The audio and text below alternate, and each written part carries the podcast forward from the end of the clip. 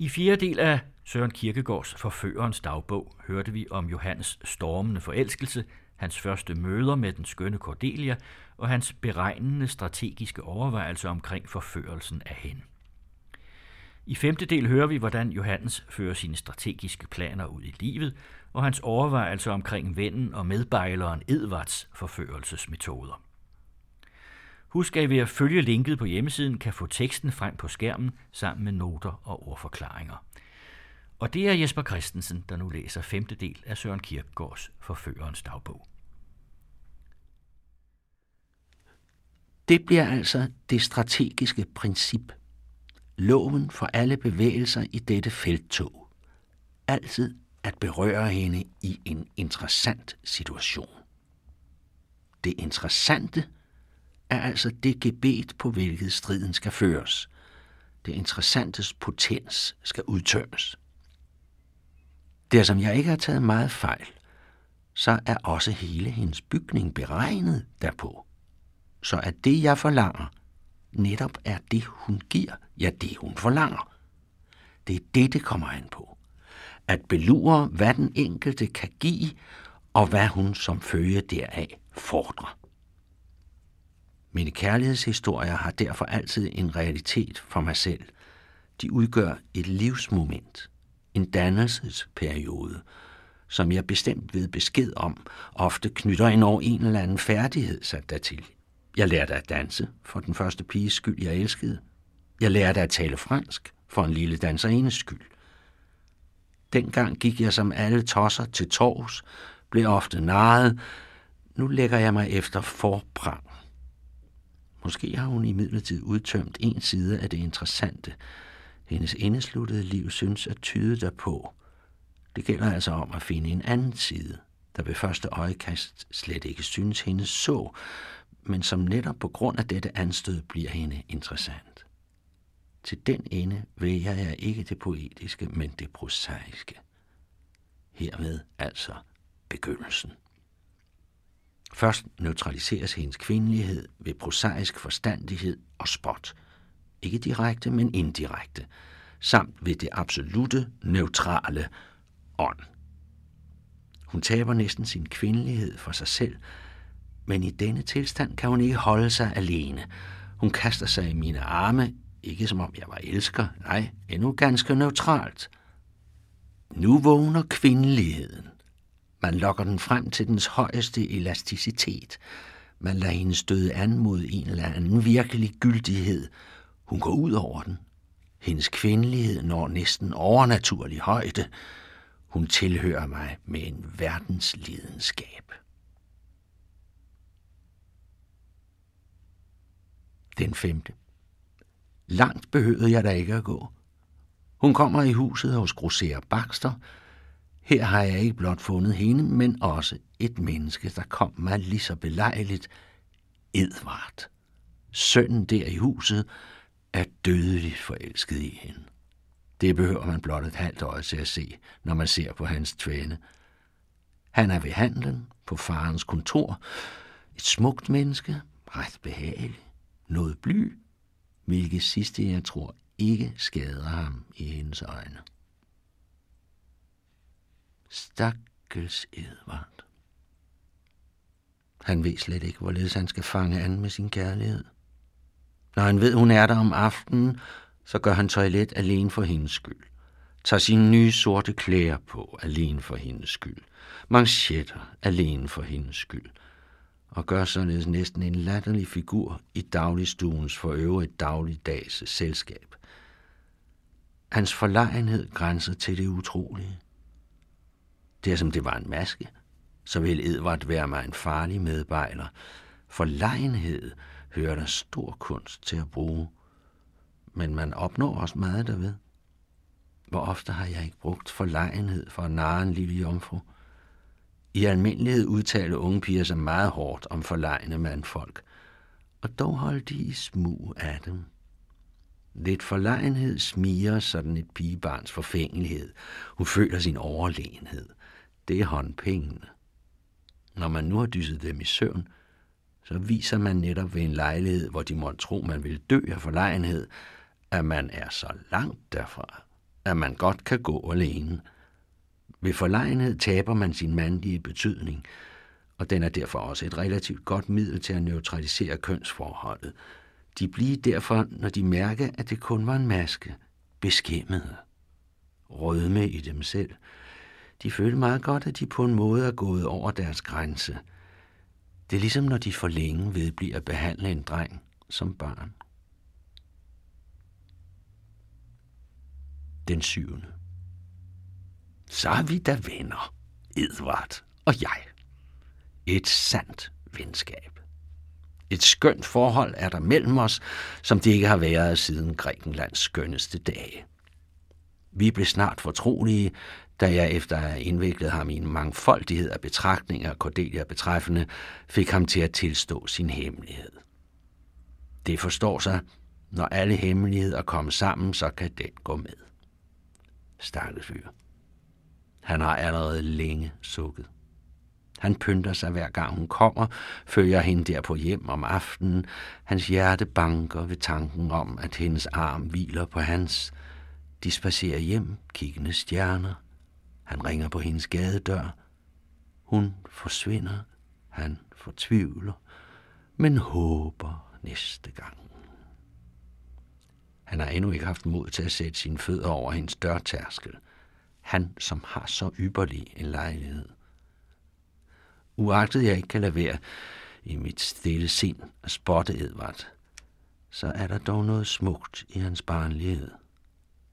Uagtet jeg ikke kan lade være i mit stille sind at spotte Edvard, så er der dog noget smukt i hans barnlighed. Uagtet jeg ellers bilder mig ind at være temmelig bevandret i hele det erotiske indbegreb, så har jeg aldrig på mig selv iagtaget denne tilstand, denne forelskelsens angst og bæven, det vil sige i den grad, at den berøver mig fatningen, til ellers kender jeg den nok, men den er for mig således, at den snarere gør mig stærkere. Måske vil det en sige, så har jeg aldrig været ret forelsket. Måske. Måske. Jeg har skammet Edvard ud. Jeg har opmuntret ham til at stole på mit venskab. I morgen skal han gøre et afgørende skridt. Personligt gå hen og indbyde hende. Jeg har fået ham bragt på den fortvivlede idé at bede mig at gå med. Jeg har lovet ham det. Han antager det for et overordentligt venskabsstykke. Lejligheden er ganske som jeg ønsker den. Det er at falde med døren ind i stuen. Skulle hun have den fjerneste tvivl om betydningen af min optræden, så skal igen min optræden forvirre alt. Før har jeg ikke været vant til at forberede mig på min konversation. Nu er det blevet mig en nødvendighed for at underholde tanten. Jeg har nemlig påtaget mig det hederlige værv at konversere hende og derved at dække Edvards forelskede bevægelser mod Cordelia. Tanten har tidligere opholdt sig på landet, og såvel ved mine egne omhyggelige studier i landøkonomiske skrifter, som og ved tantens på erfaring grundede meddelelser, gør jeg betydelige fremskridt i indsigt og duelighed. Hos tanten gør jeg fuldkommen min lykke. Hun anser mig for et sat og stadigt menneske, som man ret kan have fornøjelse af at indlade sig med, der ikke er som vores modejunkere. Hos Cordelia synes jeg ikke at være sønderlig velanskreven. Vel er hun en for ren uskyldig kvindelighed til at fordre, at enhver mand skal gøre hende sin opvartning, men dog føler hun alt for meget det oprørske i min eksistens. Når jeg således sidder i den hyggelige dagligstue, når hun som en god engel udbreder ynde over alt, over alle, der kommer i berøring med hende, over gode og onde, der bliver jeg stundom utålmodig i mig selv. Jeg fristes til at styrte frem fra mit skjul. Til skønt jeg sidder for alles øjne i dagligstuen, så sidder jeg dog på lur. Jeg fristes til at gribe hendes hånd, at omfavne den hele pige, at skjule hende i mig af frygt for, at nogen skulle berøve mig hende. Eller når Edvard og jeg forlader dem om aftenen, når hun til afsked rækker mig sin hånd, når jeg holder den i min. Stundom falder det mig vanskeligt at lade den fugl slippe ud af min hånd. Tålmodighed. quod antea fuit impetus nunc ratio est. Hun må spændes ganske anderledes ind i min væv. Og der pludselig lader jeg hele elskovens magt bruse frem. Vi har ikke fordærvet os dette moment ved slikkerier, ved utidige anticipationer. Det kan du takke mig for, min Cordelia. Jeg arbejder på at udvikle modsætningen. Jeg strammer kærlighedens bue for at såre desto dybere. Som en bueskytte slapper jeg strengen, strammer den igen, hører den sang. Det er min krigsmusik. Men jeg sigter endnu ikke, lægger endnu ikke pilen på strengen. Når et ringe antal af personer ofte kommer i berøring med hinanden i det samme værelse, så udvikler der sig let en tradition om, hvor hver enkelt har sin plads, sit stade. Det bliver for en et billede, man når man vil, kan rulle op for sig et kort over terrænet. Således lever vi nu også i det valske hus i forening et billede. Om aftenen så drikkes der da te. I almindelighed flytter da tanten, der hidtil har siddet i sofaen, sig hen til det lille sybord, hvilken plads Cordelia igen forlader. Hun rykker hen til tebordet foran sofaen. Hende følger Edvard. Jeg følger tanten. Edvard søger hemmelighedsfuldhed. Han vil viske. I almindelighed gør han det så godt, at han bliver rent stum. Jeg gør ingen hemmelighed af mine udgydelser for tanten torvepriser, en beregning over, hvor mange potter mælk, der skal til et pund smør, igennem flødens medium og smørkernens dialektik, det er virkelig ting, som en hver ung pige ikke blot kan høre på, uden at tage skade deraf, men hvad langt sjældnere er, det er en solid og grundig og opbyggelig konversation, lige forædlende for hoved og hjerte. Jeg vender i almindelighed ryggen til tebordet og til Edvards og Cordelias sværmeri. Jeg sværmer med tanten. Og er ikke naturen stor og vis i dens frembringelser? Hvad er ikke smør for en kostelig gave? Hvilket herligt resultat af natur og kunst. Tanten ville vist ikke være i stand til at høre, hvad der bliver talt mellem Edvard og Cordelia, forudsat at der virkelig blev talt noget, det har jeg lovet, Edvard, og jeg holder altid ord. Derimod kan jeg ypperligt høre hvert et ord, der bliver vekslet, høre hver en bevægelse. Det er mig af vigtighed, til man kan ikke vide, hvad et menneske i sin fortvivlelse kan falde på at våge. De forsigtigste og mest forknytte mennesker våge stund om de desperateste ting. Skønt jeg således ikke har det mindste at gøre med de to enlige folk, kan jeg dog godt mærke på Cordelia, at jeg usynligt bestandig er til stede mellem hende og Edvard. Det er dog et eget billede, vi fire danne til sammen. Ved at tænke på bekendte billeder, så kunne jeg vel finde en analogi, for så vidt som jeg ved mig selv tænker på Mephistopheles. Vanskeligheden bliver imidlertid den, at Edvard ikke er nogen Faust. Gør jeg mig selv til Faust, så bliver vanskeligheden af der, at Edvard visselig ikke er nogen Mephistopheles. Jeg er heller ikke nogen Mephistopheles. Allermindst i Edvards øjne. Han anser mig for sin kærligheds gode genius, og deri gør han vel. I det mindste kan han være sikker på, at ingen kan våge om hyggeligere over hans kærlighed end jeg. Jeg har lovet ham at konversere tanten, og jeg rygter dette hederlige værv med al alvor. Tanten forsvinder næsten for vores øjne i lutter landøkonomi. Vi går i køkken og kælder, på loftet, ser til høns og ænder, gæs og så videre. Alt dette forarver Cordelia. Hvad jeg egentlig vil, kan hun naturligvis ikke begribe. Jeg bliver hende en gåde. Men en gåde, der ikke frister hende til at ville gætte, men som forbitrer, ja, indignerer hende. Hun føler meget godt, at tanten næsten bliver latterlig – og dog er tanten en så erhverdig dame, at hun visselig ikke fortjente det. På den anden side gør jeg det så godt, at hun meget vel føler, at det vil være forgæves, om hun vil søge at rokke mig. Stundom driver jeg det da så vidt, at jeg bringer Cordelia til i al forborgenhed at smile af tanten. Det er et tyder, som må gøres. Ikke som om jeg gør det i forening med Cordelia, langt fra. Så fik jeg hende aldrig til at smile af tanten. Jeg forbliver uforandret, alvorlig, grundig. Men hun kan ikke lade være at smile. Det er den første falske lærdom. Vi må lære hende at smile ironisk.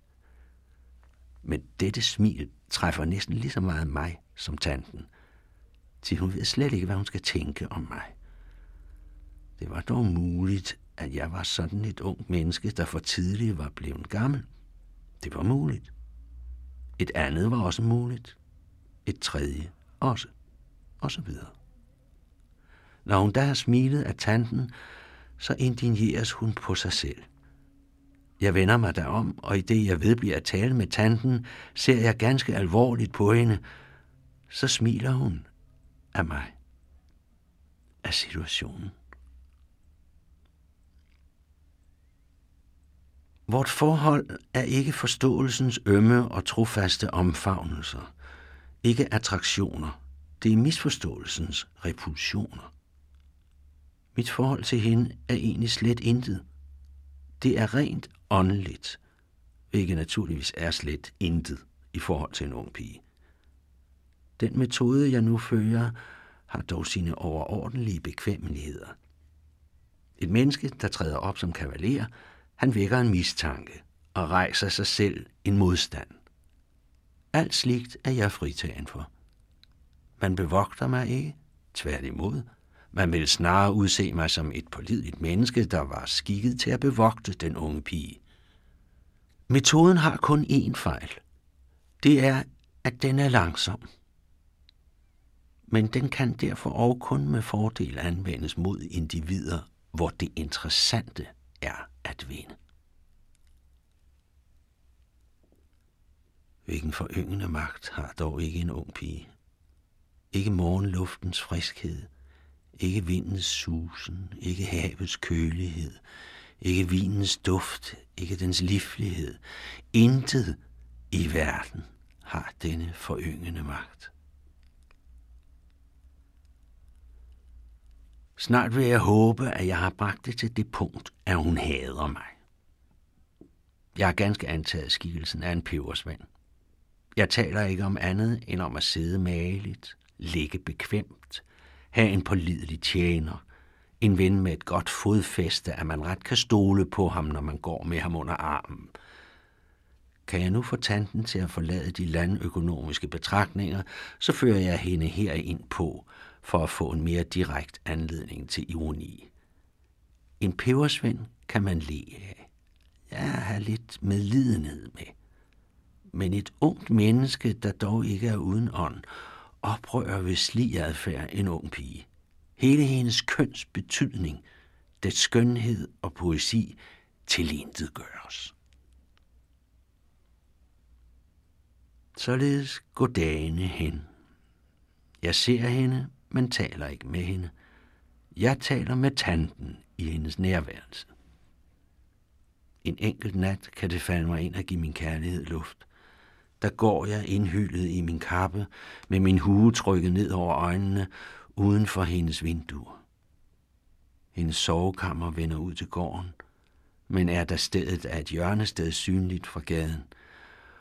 Under tiden står hun der et øjeblik ved vinduet eller hun åbner det, ser op mod stjernerne, ubemærket af alle, kun ikke af den, hun vel mindst af alle vil tro sig bemærket af. I disse nattetimer går jeg da som en ånd omkring. Som ånd bebor jeg den plads, hvor hendes bolig er. Der glemmer jeg alt. Har ingen planer, ingen beregninger, kaster forstanden over bord udvider og styrker mit bryst ved dybe sukke, en motion, jeg behøver for ikke at lide under det systematiske i min adfærd. Andre er dydige om dagen, sønde om natten. Jeg er forstillelse om dagen, om natten er jeg lutter af tro. Hvis hun så mig her, hvis hun kunne se ind i min sjæl, hvis. Hvis denne pige vil forstå sig selv, må hun indrømme, at jeg er en mand for hende. Hun er for hæftig, for dybt bevæget til at blive lykkelig i ægteskabet. Det vil være for lidet at lade hende falde for en sletterret forfører. Når hun falder for mig, så frelser hun det interessante ud af dette skibbrud. Hun må i forhold til mig, hvad filosoferne siger med et ordspil, zugrunde gehen. Hun er egentlig ked af at høre på Edvard. Som det altid går, hvor der er sat snævre grænser for det interessante, så opdager man desto mere. Hun lytter stundom til min konversation med tanten. Når jeg da mærker det, der kommer en fjernt i horisonten glimtende antydning fra en ganske anden verden. Til forbavselse såvel for tanten som for Cordelia. Tanten ser lynet, men hører intet. Cordelia hører stemmen, men ser intet. I samme nu er imidlertid alt i sin rolige orden. Konversationen mellem tanten og mig skrider frem i sin ensformige gang, ligesom posthestene i nattens stillhed. Temaskinens vemod akkompagnerer den. I slige øjeblikke kan der da stundom blive uhyggeligt i dagligstuen, især for Cordelia. Hun har ingen, hun kan tale med eller høre på. Vender hun sig til Edvard, der løber hun far for, at han i sin forlegenhed gør en dum streg. Vender hun sig til den anden side, til tanten og til mig, der fremkalder den sikkerhed her hersker, den taktfaste konversations monotone hammerslag lige over for Edvards usikkerhed den ubehageligste modsætning. Jeg kan godt begribe, at det må forekomme Cordelia, som om tanten var forhekset, så aldeles bevæger hun sig i min takts tempo. Deltage i denne underholdning kan hun heller ikke. Til det er et af de midler, jeg også har brugt for at oprøre hende, at jeg tillader mig at behandle hende aldeles som barn. Ikke som om jeg på grund deraf skulle tillade mig nogen som helst frihed imod hende. Langt fra. Jeg ved godt, hvor forstyrrende slikt kan virke, og det gælder især om, at hendes kvindelighed må kunne rejse sig ren og skøn igen. På grund af mit intime forhold til tanten, er det let for mig at behandle hende som et barn, der ikke har forstand på verden. Derved er hendes kvindelighed ikke fornærmet, men blot neutraliseret. Til hendes kvindelighed kan det jo ikke fornærme, at hun ikke ved besked om torvepriser. Men vel kan det oprøre hende, at det skal være det højeste i livet. Tanten overbyder sig selv ved min kraftige bistand i denne retning. Hun er næsten blevet fanatisk, noget hun da kan takke mig for. Det eneste, hun ikke kan finde sig i hos mig, er, at jeg ingenting er. Nu har jeg indført den skik, hver gang der er tale om et embede, som er ledigt, der at sige, det er et embede for mig, og derpå at tale højst alvorligt med hende derom. Cordelia mærker altid ironien. Det er blot det, jeg vil. Stakkels Edmund.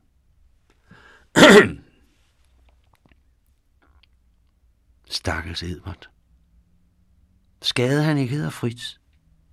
Hver gang jeg i min stille overvejelse dvæler med min... Hver gang jeg i mine stille overvejelser dvæler ved mit forhold til ham, kommer jeg altid til at tænke på Fritz i bruden. Edvard er desuden ligesom dette hans forbillede, korporal i borgergarden. Når jeg skal være ærlig, så er Edvard også temmelig kedelig. Han griber ikke sagen rigtigt an. Han møder altid pyntet og stram. Af venskab for ham, unter uns gesagt, møder jeg så skødesløst. Af venskab for ham, unter uns gesagt, møder jeg så skødesløst som muligt. Stakkels Edvard. Det eneste, der næsten gør mig ondt, er, at han er mig så uendelig forbunden, at han næsten ikke ved, hvorledes han skal takke mig at lade mig takke derfor. Det er virkelig for meget. Carsten Farag havde tilrettelagt, og de kommende måneder bringer vi hver uge nye afsnit af Forførerens dagbog i Jesper Christensens oplæsning.